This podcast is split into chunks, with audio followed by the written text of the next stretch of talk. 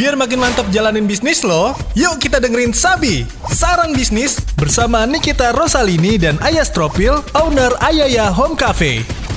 Eh, memandang teman kita tuh jangan dengan rupiah gitu loh. Uang tuh bisa dicari, tapi pertemanan yang seperti ini nih, walaupun aku berantem sama dia, tapi gue bisa bilang dia orang yang paling mengenal buruknya gue gitu loh. Kan cari itu nggak punya temen guys, Iya. cuma aku doang temennya.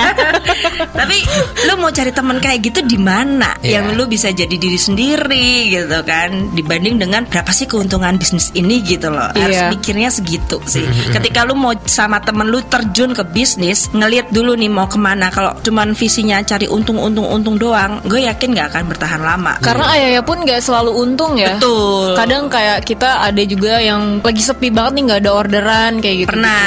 Pernah banget. Itu dia Sabi, saran bisnis di Motion FM. Dengerin terus tips bisnis lainnya only on Motion 975.